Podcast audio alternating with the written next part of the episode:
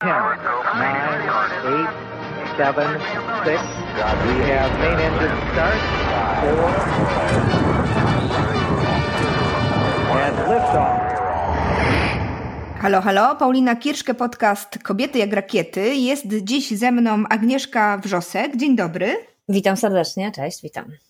Antropolożka kultury z wykształcenia, podróżniczka z zamiłowania, marketingowiec z zawodu i jeszcze miłośniczka motoryzacji, szczególnie powietrzem chłodzonych Volkswagenów. Tak, zgadza się. I lubię jeszcze też dobrze zjeść. to tak w skrócie cała. e, To, to dzięki, to już możemy kończyć. Tak, dziękuję bardzo. Aga, co było pierwsze? Ta, ta miłość do antropologii, do podróżowania, czy, czy do motoryzacji? Jak to się u ciebie zaczęło? Eee, No chyba ta antropologia, to znaczy ja zawsze byłam zafascynowana, w sumie od tego się zaczęło, byłam zafascynowana kulturą Irlandii, kulturą Celtów, no ale także współczesną kulturą Irlandii. E, I jakby to spowodowało, że, że zaczęłam takie, a nie inne studia e, w Poznaniu na Uniwersytecie imienia Adama Mickiewicza. Tam podczas studiów troszkę się to zmieniło i, i już bardziej z tych celtów ruszyłam w stronę poszukiwań pewnych zachowań ludzkich, to znaczy bardziej archetypów, e, mitów e, i tego, jak to wygląda w, w kulturze współczesnej, jak to funkcjonuje Mhm. e, i jaki ma wpływ na nasze odbieranie świata. I co ci z tych badań wyszło? E, Wyszło mi to, że mamy w głowie pewien obraz zawsze, em, taki troszeczkę idyliczny, taki, który, e, taki mityczny i, i są miejsca, do których e, jeśli je odwiedzimy a, i zderzymy się z rzeczywistością, która nie jest dokładnie taka, jak gdzieś tam w naszej głowie się zrodziła, myśląc o tym miejscu, e, to bardzo często nie przyjmujemy tego do wiadomości po prostu. I, I to miejsce cały czas gdzieś takie idealne zostaje w naszej głowie. I myślę, że tak po części jest. I myślę też, że to trochę skłoniło mnie do, do, do szerszego podróżowania, bo w ogóle moja pierwsza podróż zaczęła się właśnie od Irlandii. Było faktycznie tak, że się zderzyłaś z tą rzeczywistością, która okazała się inna, czy nie miałaś na początku w ogóle żadnych oczekiwań, jeśli chodzi o podróżowanie, no i Irlandię w szczególności? Miałam oczekiwania odnośnie Irlandii. e, Bardziej dotyczyły one takich mm, e, kontaktów międzyludzkich, otwartości ludzi i, i sama nie wiem do końca, jak to jest. Czy właśnie to, że bardzo mocno wierzyłam w to, że ci ludzie są otwarci, uczynni e, i niesamowici. E, no, wróciłam z taką samą, z taką samą wiedzą z, z tej podróży, tak? Więc e, pytanie, na ile było to tak silne w mojej głowie, że, że jakby poza tym wszystkim dostrzegałam tylko te pozytywne rzeczy. Pewnie tak jest po prostu. Ale chyba tak w ogóle jest, że jeżeli wyobrażamy sobie i jakoś jesteśmy otwarci na świat i na, na innych ludzi, to chyba łatwiej nam przyjąć z powrotem właśnie to samo, a nie, Tak, a nie coś złego. tak. Ja tak. tak cię podpytuję o to, bo, bo antropologia i archeologia to takie, myślę, że gdybym żyła właśnie w równoległym świecie, to, to, to, to tym bym się zajmowała, bo to jest coś, co mnie bardzo pociąga. Ale mówisz, że to grzebanie i poszukiwanie w człowieku pewnych rzeczy doprowadziło cię także do podróży i to był ten motyw taki, który zmobilizował ciebie, aby podróżować bardziej, dłużej i dalej?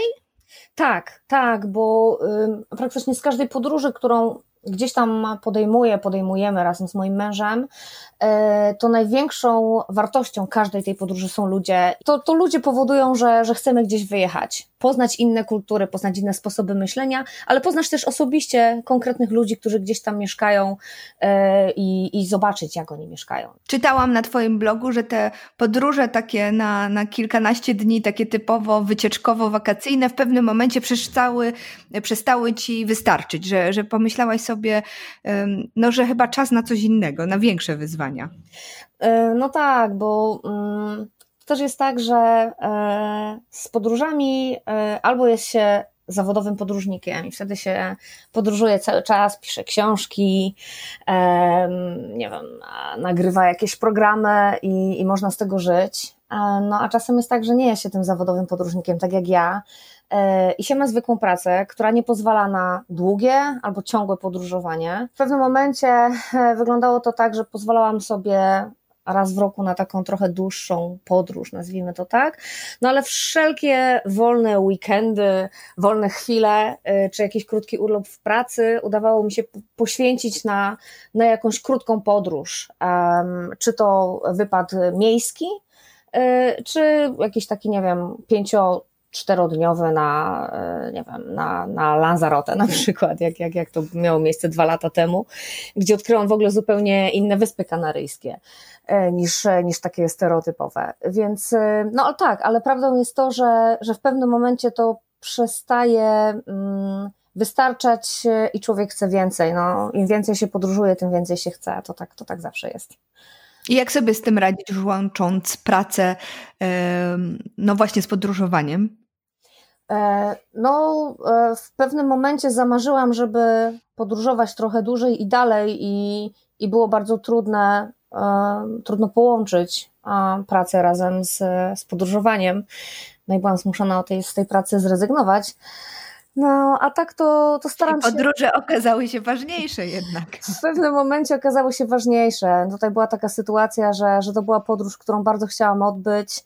E, I cała, cała historia tej podróży, bo to jest e, najświeższa sprawa właściwie, najświeższa podróż, którą, którą miałam okazję odbyć, czyli podróż do, na drugi kontynent, czyli Ameryka Północna i Środkowa. E, I no, na początku był taki pomysł, że dobra, pojadę do, pojedziemy do Stanów Zjednoczonych, no ale jak już Stany i tak daleko, no to Kanada, no jak już jesteśmy, nie wiem, w, w Stanach Zjednoczonych, w, mm, w Los Angeles czy w Kalifornii w ogóle, no to no, blisko jest do Meksyku, no to jedziemy do Meksyku i tak e, z takiego wypadu, który miał być trzymiesięczny czy, czy, czy, czy miesięczny nawet na samym początku, no okazało się, że, że pojechaliśmy na, na trochę dłużej, no i wtedy praca już była dość dużą przeszkodą, jednak udało mi się troszeczkę popracować w międzyczasie. Piszesz bloga, na którym opisujesz te wszystkie wasze podróże i te wszystkie przygody, które macie.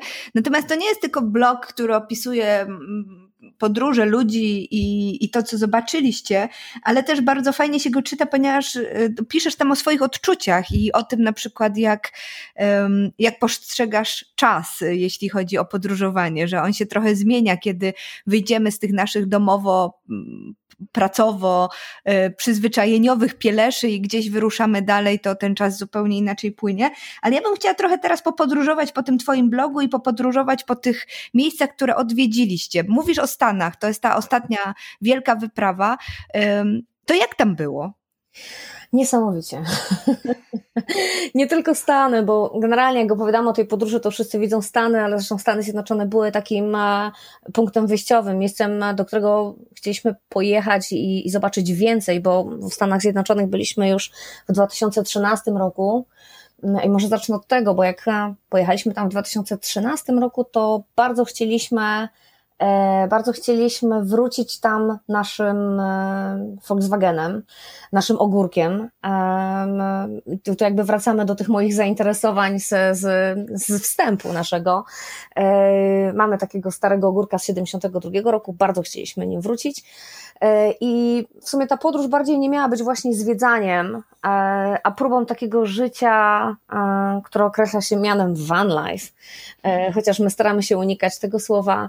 Chcieliśmy po prostu pożyć zupełnie inaczej, pożyć w podróży, Mm, być maksymalnie w jednym miejscu tydzień, a potem się gdzieś przemieszczać, żyć z małą ilością rzeczy, spać na dziko i doświadczać e, świata, przyrody, przestrzeni, no i tego czasu, o którym wspomniałaś, zupełnie inaczej e, niż doświadcza się podczas, nie wiem, takiego wypadu dwutygodniowego podczas urlopu. I to właśnie Wam się udało. Wyruszyliście na tą podróż y, swoich marzeń. Potem musieliście wrócić z uwagi na okoliczności, które nas wszystkim, wszystkich przygniotły, ale o tym powiedzmy później. Natomiast y, bardzo mnie ciekawi, jak wyglądało to wasze doznawanie y, Ameryk y, i, i to takie podróżowanie nieśpieszne właśnie z jednego miejsca do, dru do drugiego, bo jak rozumiem, pewnie planu jakiegoś szczególnego nie mieliście. A z tym planem to też jest niesamowita rzecz, bo oczywiście no, nie podróżuję sama, tylko podróżuję z mężem e, i mój mąż jest taki, że stara się raczej planować wszystko. I, i w sumie zaczęło się od pierwszego dnia, kiedy przylecieliśmy, nasz samochód płynął promem, my przylecieliśmy, no i okazało się, że ten samochód ma spóźnienie, E, tygodniowe, więc musimy tydzień spać w, w Halifax w Kanadzie Wschodniej e, na jedynym kempingu w środku miasta w namiocie i czekać na ten samochód, czekać na telefon, kiedy samochód będzie. Więc e, no to już plan zaczął się zmieniać. I tak w miarę tej podróży to, no ja myślę, że w ogóle po pierwszych, po pierwszym miesiącu przestaliśmy w ogóle planować. I tutaj właśnie też jest do tego tak wiele miejsca poświęcam czasowi gdzieś tam w tych, w tych tekstach, które piszę w, i, i w ogóle opowiadam właśnie o tej podróży, bo ten czas niesamowicie się zmienia i my, na początku tej podróży miałam w ogóle też takie, takie wrażenie, że ciągle się spieszę, że trzeba zobaczyć to, to, to, zdążyć przed zimą na Alaskę, no bo chcieliśmy na Alaskę dotrzeć. Y, I tak trochę y, przez Kanadę, którą przejechaliśmy wszerz, E, troszeczkę się spieszyliśmy, e, jednak działając zupełnie bez planu. E, działanie bez planu jest niesamowite, no bo możemy doświadczać tego, co, co nagle się gdzieś pojawi na drodze, tak? Spotkamy kogoś i ktoś powie, słuchajcie, nie jedźcie tam, jedźcie w to miejsce i albo zostańcie u mnie w domu na kolację, prześpijcie się u mnie w ogrodzie. Takich sytuacji mieliśmy mnóstwo, jeżeli trzymalibyśmy się planu, to nigdy byśmy nie doświadczyli właśnie tego, co jest najważniejsze, czyli spotkań i rozmów z ludźmi w zasadzie podróż ma swój rytm chyba i sama kieruje podróżnikami, czasami mam takie wrażenie, tak, prawda? Tak, ja myślę, że takie planowanie jest dobre, jeżeli, nie wiem, wybieramy się na weekend na zwiedzanie Rzymu, Paryża, Wrocławia. Tak. I możemy sobie gdzieś w planach ułożyć, że chcemy zobaczyć to, to i to, mamy na to określony czas, ale w momencie, kiedy y, ma się w pewnym sensie nieograniczony czas, no bo my sobie zakładaliśmy podróż, która miała trwać rok, ale stwierdziliśmy, jeżeli ona będzie trwała dłużej, no to nic się nie stanie. Więc tak właściwie nigdzie się nie spieszyliśmy i i mi się wydaje, że w pewnym momencie właśnie to przestaje być podróżą, a, a tak naprawdę zaczyna być jakimś takim innym, innym rodzajem życia, innym sposobem życia. Nie? Czy jesteś bardziej sobą w podróży, czy bardziej na miejscu w Polsce? To są dwie różne Agnieszki, czy jednak mają jakiś wspólny mianownik? Są trochę dwie różne. Zawsze staram się być sobą i to, to nie jest tak, że jakby po powrocie nie jestem sobą. E, tutaj mam mnóstwo innych rzeczy, których nie jestem w stanie robić e, podczas podróży. E, dużo działań, które podejmuję e, tutaj, chociażby organizację właśnie tych zlotów e, starych samochodów, bo tym się też zajmujemy tutaj. Działanie w takiej małej inicjatywie lokalnej, tutaj w miasteczku, w którym mieszkam. To są takie rzeczy, które dają mi jakby ten substytut, małe, są takim małym substytutem podróży, tak, bo, bo też wiążą się z poznawaniem ludzi, z z doświadczaniem troszeczkę innego życia niż takie standardowo od 8 do 16 w pracy. Nie? Wróćmy jeszcze do tych Stanów i do tej Kanady i, i do tego Meksyku i do tej waszej podróży, bo ona trwała niezwykle długo, no więc była też na pewno obfitująca w wiele przeróżnych przygód i, i e, spostrzeżeń i pewnie refleksji tego, jak e, ludzie żyją. E, coś cię szczególnie poruszyło podczas tej wyprawy? Poruszyła mnie bardzo Kanada. E, przede wszystkim jako przepiękny kraj, e, bo to jest chyba też tak, zresztą wynika to z rozmów, które gdzieś tam prowadzę z ludźmi tutaj na miejscu. E, my nie mamy zbyt dużej wiedzy na temat Kanady. I wiemy na przykład, że ona jest piękna, że jest żywicą pachnąca i że są duże odległości. Ale po pierwsze, Kanada jest bardzo duża. A po drugie, jest bardzo liberalna i jest bardzo taka y, otwarta. E, ale po trzecie, i to co mnie poruszyło najbardziej, ma dość taką smutną historię, o której mało ludzi wie. E, historię związaną z mm, pierwszymi narodami, czyli z tym, kiedy pierwsi Europejczycy dotarli na tereny Kanady i, i, spotkali się z pierwszymi narodami, z Inuitami, e, innymi rdzennymi mieszkańcami. E, I jak te kontakty wyglądały? E, no, one nie wyglądały już różowo i to jest jedna ze smutniejszych rzeczy i takich bardzo zaskakujących, jeśli chodzi o Kanadę. Tak, o tym świetnie zresztą napisała Joanna Gieragonoszko w swojej książce, prawda? 27 śmierci Tobiego Obeda, opisując tę historię tak. również um, szkół katolickich, które... Tak. Um, prawda? My mieliśmy okazję tak właśnie rozmawiać z, z chłopakiem, którego y, ojciec, z chłopakiem, z mężczyzną, którego ojciec był właśnie w takiej szkole, E, niedaleko Vancouver Island odwiedziliśmy taką e, wysepkę, na której chyba w 2010, o ile się nie mylę, roku wyburzono ostatnią szkołę, ona już nie funkcjonowała, ale stał jakby cały czas budynek tej szkoły z internatem. No to są przerażające historie, podobnie historia sukienek, która też jest pewnie poruszana. Tak. Więc um, tak, ale to pozwala też spojrzeć na Kanadę z zupełnego, zupełnie innego punktu widzenia, ale też przefiltrować ją trochę przez tą naszą polską rzeczywistość i spojrzenie na historię, bo oni się z tym problemem zmagają, prawda? To nie jest coś, co za, zamiatają pod dywan i udają, że tego po prostu nie było, tylko starają się spojrzeć prawdzie w oczy i powiedzieć tak, tacy byliśmy, no i teraz musimy się z tym rozliczyć i jakoś spróbować żyć dalej. No tak, w 2019 roku, właśnie w czerwcu, kiedy e, my e, przybyliśmy do, przybiliśmy do brzegów Kanady. E, e, premier Kanady ogłosił właśnie, że te wszelkie działania związane z pierwszymi narodami miały, mogą nosić miano ludobójstwa i, i, i właśnie wtedy to był pierwszy raz, kiedy publicznie zostało to przyznane w taki sposób. No, więc to już widać, że, że w Kanadzie naprawdę zmienia się to bardzo i, y, i starają się odkupić się swoje winy. Przepracowują, tak. prawda, te wszystkie rzeczy, które miały miejsce u nich. Jak wracasz do Polski, jesteś po takich wydarzeniach właśnie ze świata, które otwierają głowę jednak mimo wszystko i pozwalają spojrzeć na rzeczywistość z dystansu i pokazują też, jak sobie z różnymi problemami radzą inni w innych zakątkach świata, y, to masz takie poczucie, że jeszcze powinniśmy coś bardzo popchać do przodu u nas, żeby, żeby coś się zmieniło? No było, było dla mnie bardzo trudne właśnie ten powrót do, do, do Polski, jakby w, i w obliczu pandemii, i w obliczu tego, co się gdzieś tam politycznie działo tutaj. I właśnie zawsze e, wszelkie mm, działania, które tutaj mają miejsce, porównuję do Kanady. Czyli jest tak i niestety troszeczkę musimy jeszcze nadrobić. Wypadamy blado.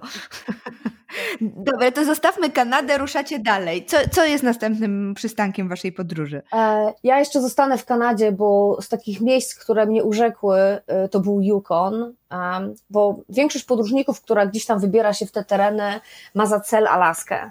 I e, Alaska jest ostatnią granicą, ostatnim miejscem, takim końcem świata, tak? Więc może, może jakby dlatego jest ten pęd na Alaskę.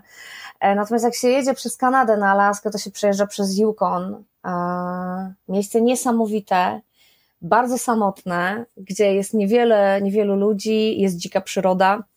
To jest coś cudownego. Natomiast jeśli chodzi o Stany Zjednoczone, to już wracamy do Stanów Zjednoczonych. E, nam tym razem, nam udało się zjechać zachodnie Stany e, Stanów Zjednoczonych. E, ze względu na taki zimny front nie mogliśmy pojechać do Yellowstone na przykład, ani dalej na wschód, no ale później także przez pandemię nie mogliśmy mm, tego wschodniego wybrzeża zobaczyć. E, więc jeśli chodzi o Stany, to zachodnie Stany Zjednoczone i amerykańskie pustynie to jest też niesamowite miejsce, całe tereny pustyni Mojave czy pustyni Colorado. Po pierwsze, ze względów przyrodniczych są niesamowite, y, ogromne przestrzenie, cudowna roślinność, no ale także ludzie, ludzie pustyni, którzy żyją też zupełnie inaczej niż ci oddaleni o 2-3 godziny od nich e, w dużym mieście, jakim jest na przykład Los Angeles. Jak żyją? Żyją skromnie, e, żyją z małą ilością rzeczy, e, żyją wykorzystując to, co mają pod ręką. Bardzo często większość z nich to są artyści, którzy robią e, ciekawe instalacje i rzeźby ze śmieci na swoich ogródkach.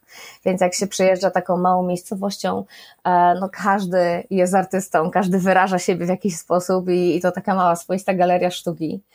E, ci ludzie się też nie spieszą i, i to są takie rzeczy, które dla nas były naprawdę ważne w tej podróży. Poznanie właśnie takiego sposobu życia bez pośpiechu, bez konsumpcjonizmu, e, bez zbędnych rzeczy i e, także poznanie życia takich małych, lokalnych społeczności, bo to też jest niesamowite. Tak, bo z, jakby zostawiacie za sobą tą całą turystyczną y, taką część, a zaczynacie trochę żyć podobnym rytmem albo widzieć podobne rzeczy, które widzą mieszkańcy. No tak, ale nie jest też tak, że y, nie odwiedzamy tych miejsc, które są tak bardzo turystyczne, bo, bo mm, jak każdy chcemy zobaczyć Wielki Kanion na przykład, tak, albo Niagarę. Y, natomiast y, to jest też tak, jeżeli ktoś ma więcej czasu, to może sobie pozwolić właśnie na. Znaczy, z jednej strony to jest kwestia czasu, tak, a z drugiej strony to jest też kwestia przestawienia czegoś w głowie, tak, bo nam by tego czasu też nie starczyło, gdybyśmy chcieli oglądać rzeczywiście wszystkie muzea, kościoły i, e, i wszystkie ważne e, turystycznie miejsca na trasie. E, więc tak, to są dwie rzeczy czas przede wszystkim, który daje taką swobodę wybierania sobie rzeczy, które chcemy zobaczyć, no ale także jakoś świadomość tego, bo my byliśmy nastawieni na taką podróż, y, na bardziej życie niż na podróż. Nie? Agnieszka, a powiedz mi, no bo trudno o to nie zapytać, jedziesz na e, rok prawie na drugą półkulę, e, siłą rzeczy mówicie sobie, że dobra, trzy miesiące, pół roku, rok, a nawet jak będzie to dłużej, to też luz, a to z czego wy tam żyjecie? Wiesz, bo ja sobie myślę, że dużo naszych słuchaczek myśli, kurczę, no fajna to jest sprawa, też bym tak chciała, rzucić wszystko i wyjechać i podróżować. No mhm. No ale przecież, bo praca, bo dom, bo coś tam, bo coś tam, bo coś tam. I skąd wziąć kasę na to wszystko? No tak, ale to jest też kwestia takich przygotowań. My też e, nie zdecydowaliśmy się na tę podróż e, w ciągu roku, tak? Czy tam w ciągu, nie wiem, miesiąca. To wyglądało tak, że my od 10 lat marzyliśmy o tej podróży i większość działań, które podejmowaliśmy tutaj na miejscu, była skupiona na tym, żeby wyjechać. E, czyli e, oszczędności, zmiana życia zupełnie i teraz też tym bardziej, jeszcze bardziej zmieniliśmy życie teraz po powrocie, kiedy wiemy, że tyle rzeczy nam jest, nie jest potrzebnych, tak? Nie kupujemy zbędnych rzeczy, yy, ograniczamy się, pracujemy dużo, żeby móc dużo też zaoszczędzić jeżeli chodzi o te Stany, my też mieliśmy taki, udało nam się sprzedać pewną inwestycję i, i, i dzięki temu pozwoliliśmy sobie sfinansować troszeczkę też tą podróż. Natomiast e, my też nie podróżowaliśmy bardzo Wysokobudżetowo. Tak, tak, tak. E, spaliśmy na dziko. E, takim największym kosztem, który my mieliśmy, e, no to był nasz e, samochód, który, który generował najwięcej kosztów poprzez benzynę. E, nie mogę też powiedzieć, że to nie była tania podróż, ale w momencie, kiedy sobie przeliczymy ją na e, takie życie tutaj w Polsce, e, no to jest podobnie. Tak, wiadomo, że, że jakby nasze realia są trochę łagodniejsze dla nas. Znaczy, w Polsce wydajemy mniej pieniędzy na czynsz, czasem paliwo i tak dalej, chociaż w Stanach paliwo jest tanie. Czasami też wspomagałam się taką zdalną pracą i, i poświęcałam jakieś dwa dni w tygodniu na, na pracę zdalną, ale bardziej to było właśnie, żeby, żeby mieć pieniądze na, na paliwo. Zero waste to coś, co Wam towarzyszy, bo z jednej strony pewnie, tak jak mówisz, e, to było trochę przygotowanie i oszczędzanie na tą podróż, a potem już stało się stylem życia trochę przez to, że, że zobaczyłaś, zobaczyliście, że tak w zasadzie tych przedmiotów, rzeczy nie trzeba kupować i, i w zasadzie można się świetnie obejść bez nich. Oczywiście obiad można ugotować e, przy użyciu dwóch garnków, a właściwie obiad, śniadanie i kolację bo nie trzeba mieć czajnika, tylko można w garnku normalnym zagrzać wodę. E, to jedna rzecz. E, nie potrzebujemy miliona ubrań, wystarczą dwie pary spodni. Mi wystarczyły na cały rok, więc e, nie ma problemu. Da się żyć i myślę, że to powoli przekładamy tutaj, że przekładamy to bardzo nawet, a nie powoli. Zauważam, jak mało kupujemy rzeczy. Przestaliśmy już praktycznie kupować też wodę, którą możemy pić e, przez filtr. Zresztą przed wyjazdem już, już e, e, piliśmy, więc także oszczędzamy też troszeczkę nasze środowisko, produkując mniej plastików i zbędnych rzeczy, więc da się. I, i takie podróże właśnie długoterminowe pomagają w przestawieniu się na, na taki less waste'owy, zero waste'owy tryb. Tak, no musisz mieć określoną ilość tylko rzeczy, prawda? Liczbę rzeczy, którą ze sobą bierzesz, bo po prostu więcej nie dasz rady. No tak, tym bardziej, że nie, nie wiem na ile nasi słuchacze mają wyobrażenie, jak wygląda Volkswagen Ogórek, ale to jest naprawdę bardzo mały, bardzo mały samochód. Czasem jak parkowaliśmy gdzieś nasz samochód e, na Alasce albo w Stanach, gdzie, gdzie oni jeżdżą tymi ogromnymi pick-upami, no to ich pick-upy były większe niż nasz dom na kółkach, więc e, to ta przestrzeń e, naprawdę powodowała, że, że byliśmy zmuszeni do bardzo małej ilości rzeczy. nie ma problemu. To powiedz, co, co, co jeszcze przekładasz właśnie z tych podróży? Jakie doświadczenia z tych podróży starasz się przełożyć na to tu i teraz w Polsce? Nauczyłam się troszeczkę inaczej postrzegać świat. To znaczy, yy, zaczęłam się mniej stresować pewnymi rzeczami, bo wiem, że wiele rzeczy nie jest zależne ode mnie. A przed wyjazdem tak miałam. E, szczególnie jeśli chodzi o pracę zawodową, e, albo nawet jakieś takie domowe rzeczy, nazwijmy to tak. Mm. Podczas podróży mieliśmy mnóstwo stresu, mnóstwo przygód związanych z awariami, które były zupełnie niezależne od nas. E, I nauczyłam się tak mocno nie, nie denerwować tym wszystkim, albo nie denerwować na zapas, jak my tak lubimy, tak? Tak, ludzi. kobiety szczególnie mają takie coś, że się denerwują na tak. zapas. Więc teraz mam takie powiedzenie, zobaczymy jak będzie i, i, i w sumie nie, albo sobie czasami właśnie z mężem mówimy, że no z tym problemem poradzą sobie przyszły, przyszła Aga i przyszły Bartek i, tak rzeczywiście jest. No, w, momencie, w momencie kryzysu człowiek chyba najlepiej sobie radzi niż e, nie wiem, e, załatwiając sobie przed, przed tym nieprzespane noce i tak dalej. Nie? Więc to, to na pewno. E, druga rzecz to też mm, takie łatwiejsze rozwiązywanie pewnych sytuacji. To się też wiąże z tym stresem, ale wiem, że my mieliśmy na przykład taką niemiłą przygodę już w Kanadzie. Zaczął nam się palić samochód. I to rzeczywiście tak. dość niemiłe. Y, I nigdy nie zapomnę tego, jak y, y, szybko poradziliśmy sobie z tym problemem i wiesz, nie było żadnego lamentu, o, palimy się, tylko obydwoje ruszyliśmy nagle sprawnie po gaśnicę, zaczęliśmy, nie wiem, łatać tam te, te, te problemy, które, które spowodowały ogień. E, i tak to trochę, to jest taki dziwny przykład z tym pożarem, ale nauczyło mnie to właśnie tego, żeby, że naprawdę są proste rozwiązania i, i one przychodzą od tak. Więc to, to, to takie dwie rzeczy, ale także otwartość na ludzi, bo, bo tutaj też zauważyłam, że, że ta podróż, my byliśmy bardzo uzależnieni od ludzi podczas podróży E, czy właśnie podczas tych awarii, e, czy chociażby, nie wiem, szukając jakiegoś miejsca na nocleg w miejscach, w których spać na dziko nie mogliśmy, bo na przykład był zakaz, tak, to było w Meksyku czy gdzie indziej. E, I mm, no tutaj też zaczęłam już tak mieć mniejszy problem z kontaktem z obcymi ludźmi po tej podróży i to, to też jest niesamowite. Czyli ludzie z reguły są e, mili, uprzejmi i dobrzy? No właśnie się tak zastanawiam, bo wszystkim o tym opowiadam. E, może my mieliśmy takie szczęście. Ja też nie chcę mówić, że, że tak jest, że ludzie są niesamowici. Tak samo jak my mówimy, że Meksyk jest bezpieczny, bo dla nas był. Ale nie wiem, jak, e, czy Meksyk jest bezpieczny dla kogoś innego. I podobnie jest z tymi ludźmi. My nie mieliśmy E, ani jednej sytuacji, w której, e, w której zawiedliśmy się na ludziach, na obcych, na innych podróżnikach, na jakichś takich naszych znajomych z, z, z internetu na przykład. I, I to jest niesamowite.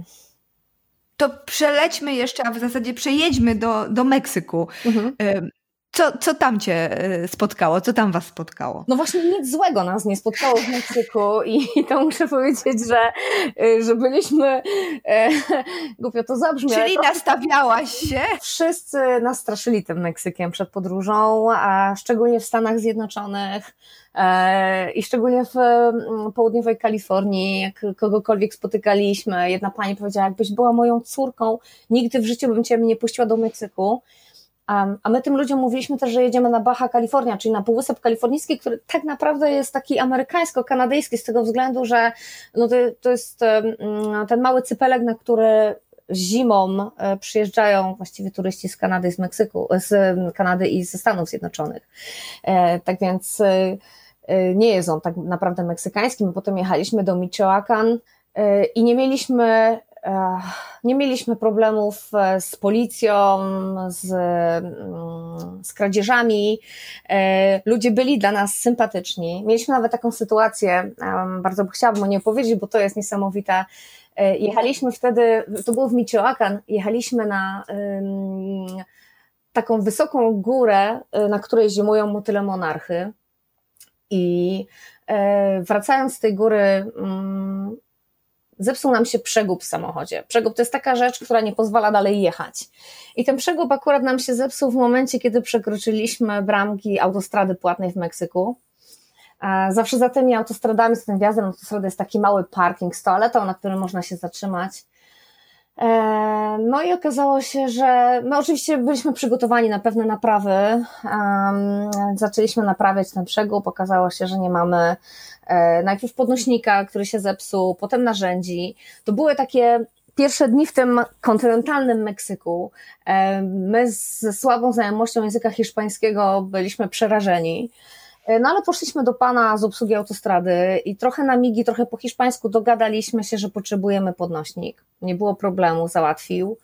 E, potem się okazało, że nie mamy jednego narzędzia i to była niedziela i ten pan jeździł, ja zostałam przy samochodzie, on jeździł z moim mężem po całej małej miejscowości szukając mechanika, który będzie akurat miał to narzędzie. Mechanik przyjechał, e, miał nam dać tylko narzędzie, stwierdził, że on nam to naprawi, i że jest już późno i nie powinniśmy podróżować w nocy, tak więc on zaprasza nas do nas, do domu, do siebie na kolację. Obca osoba zupełnie, tak? Nigdy wcześniej nie mieliśmy kontaktu, no, a zaprosił nas, e, później chciał nam oddać swoje łóżko, bo powiedział, że my tyle czasu podróżujemy w samochodzie, e, a to była dość biedna rodzina, która miała dwa pokoje, to była rodzina z trójką dzieci, dwa pokoje, z których jeden stanowił taką kuchnię, sypialnię rodziców i salon. No i oni chcieli nam tą swoją przestrzeń oddać, e, tylko po to, żebyśmy ten jeden dzień sobie bardziej wypoczęli niż w naszym samochodzie.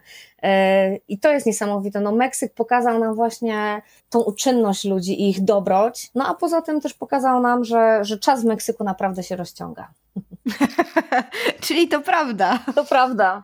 To prawda. Y, u jednej osoby też, którą gdzieś tam poznaliśmy, tylko po drodze spędziliśmy pięć dni.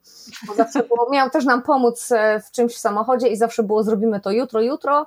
Y, no i to jutro trwało pięć dni. Tak więc ale ten Meksyk pozwolił nam naprawdę bardzo mocno odpocząć, cieszyć się tak naprawdę takim wypoczynkiem i, i, życiem. Mówisz o ludziach, których spotykacie, ale wspomniałaś też o motylach y, i, i górze, którą chcieliście odwiedzić. To też jest niesamowita historia, bo to też są takie obserwacje tej przyrody, która jest zdumiewająca w innych częściach świata. No tak, motyle monarchy to motyle, które przylatują na zimę, pokonują a, tysiące kilometrów z Kanady i ze Stanów Zjednoczonych po to, żeby w jednym miejscu na wysokości 3000 metrów nad poziomem morza w Meksyku sobie przeziębić zimować.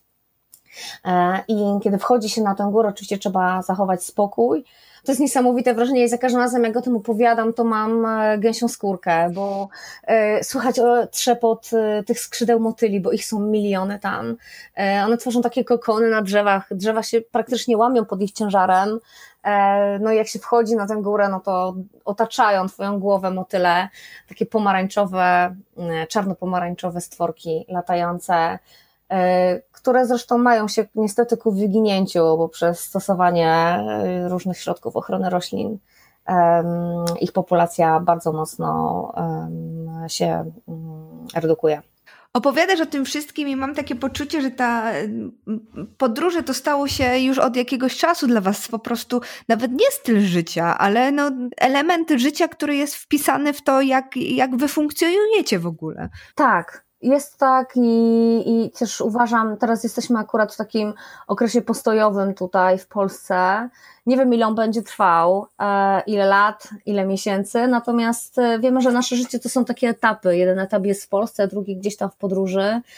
E, chcielibyśmy na pewno jeszcze nie jedną tak długą podróż odbyć, zobaczymy na ile będzie nam to dane. Natomiast gdzieś tam w głowie mamy już plany na mniejsze podróże, które postanowią, pomogą nam pogodzić e, pracę tutaj na miejscu i, e, i tą chęć ogromną podróżowania i doświadczenia świata. Jeszcze chciałam podpytać Ciebie o um, samochód, którym się poruszacie, mhm. czyli ogórek, który ma swoją, e, zresztą swoje imię. Tak. tak, jest to Venera. Venera znaczy Wenus. I e, bo my tak bardzo kochamy ten samochód, że jest naszą boginią miłości i jest naszą Wenus, czyli e, nasz samochód jest kobietą, e, która ma 48 lat.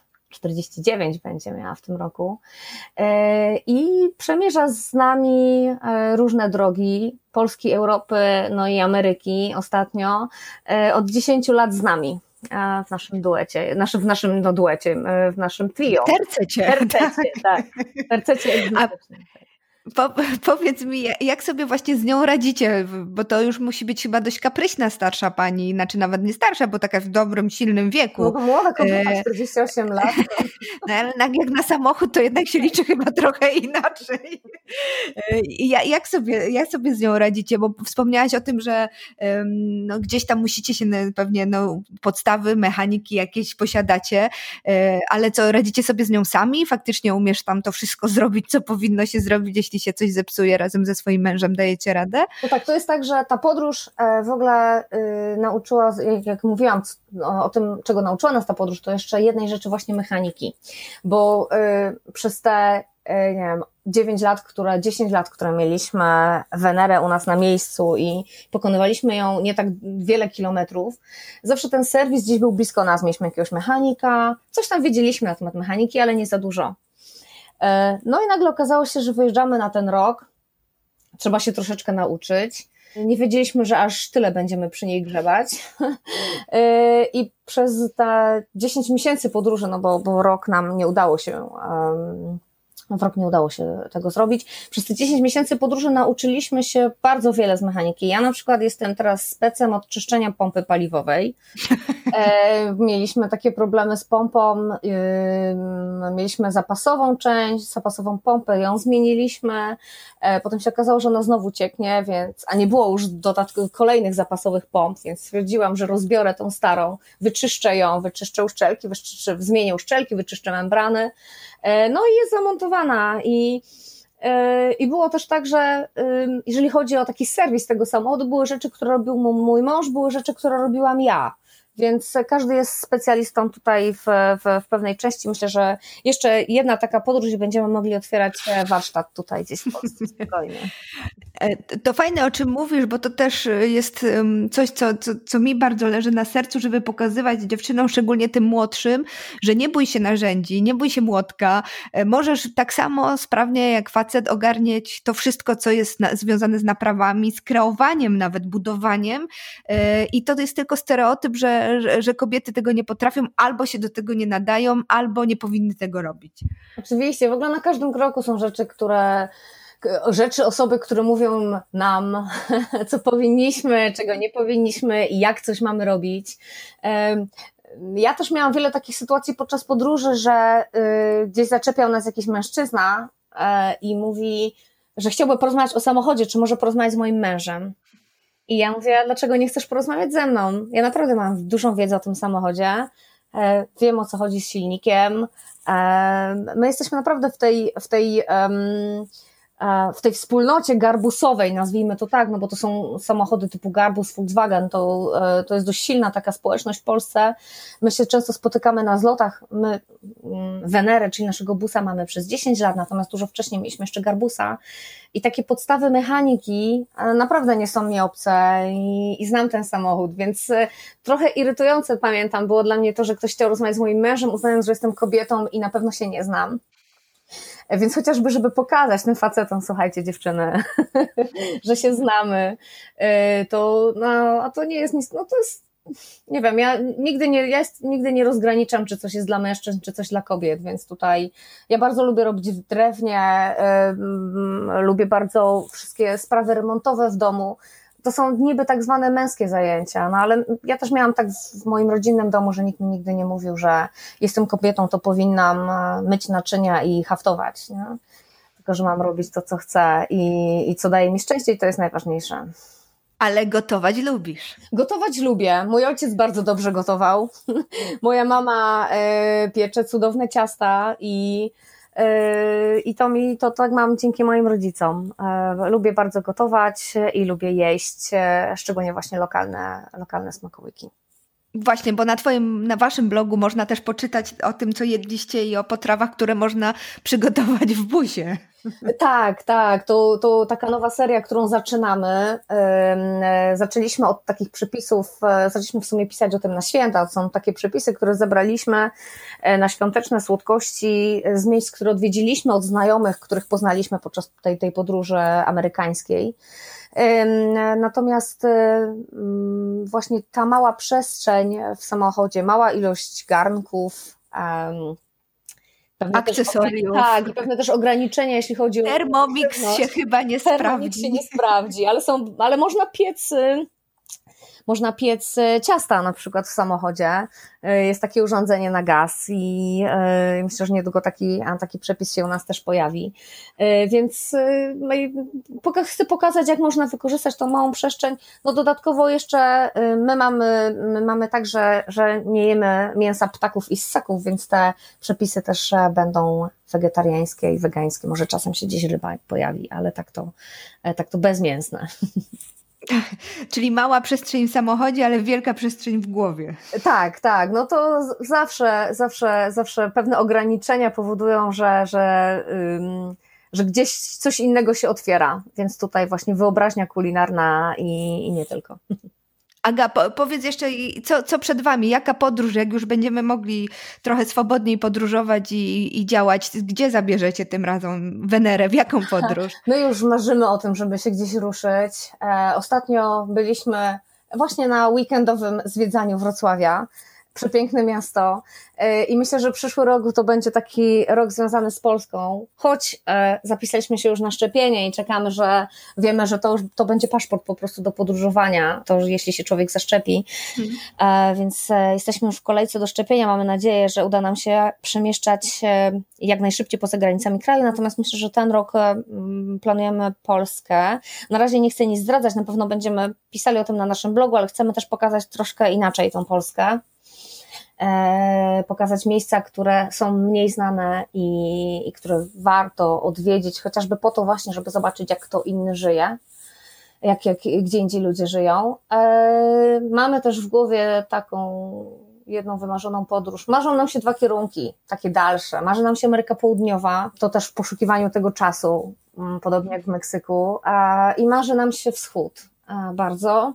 Nie wiem, która z tych e, rzeczy będzie pierwsza. Wszystkie chcemy y, odwiedzić w trójkę, czyli mój mąż, ja i, i, i Wenera. Ale jak to jest z planami, to się zawsze zmienia. Może się okaże, że, że pojawi się jakaś, y, jakaś możliwość wyjazdu gdzie indziej i, i z tego skorzystamy. Tak więc nie warto planować, warto działać. I nie zamykać się na różne możliwości. Jasne. Jeszcze poproszę o adres y, waszego blogu, żebyśmy mogli zaprosić y, nasze słuchaczki i słuchaczy do tego, aby zerknęli, co tam się u was na bieżąco dzieje. Jasne. E, piszemy bloga, e, który nazywa się Kaluna Trip przez C i 2L callunatrip.pl E, znajdziecie nas także na Facebooku wpisując Kaluna Trip i na Instagramie i na YouTubie, więc e, jesteśmy w wielu mediach społecznościowych, a jeżeli ktoś chce poczytać e, to, jak doświadczaliśmy tej naszej podróży, to zapraszamy na blog kalunatrip.pl. Bardzo Ci, Agnieszko, dziękuję za, za tę rozmowę w sobotnie przedpołudnie. Dziękuję Ci ślicznie. Bardzo się cieszę, że miałam e, tę możliwość podzielenia się moimi wrażeniami e, z podróży z Wami. seven, six. We have main engine start. Four. And liftoff.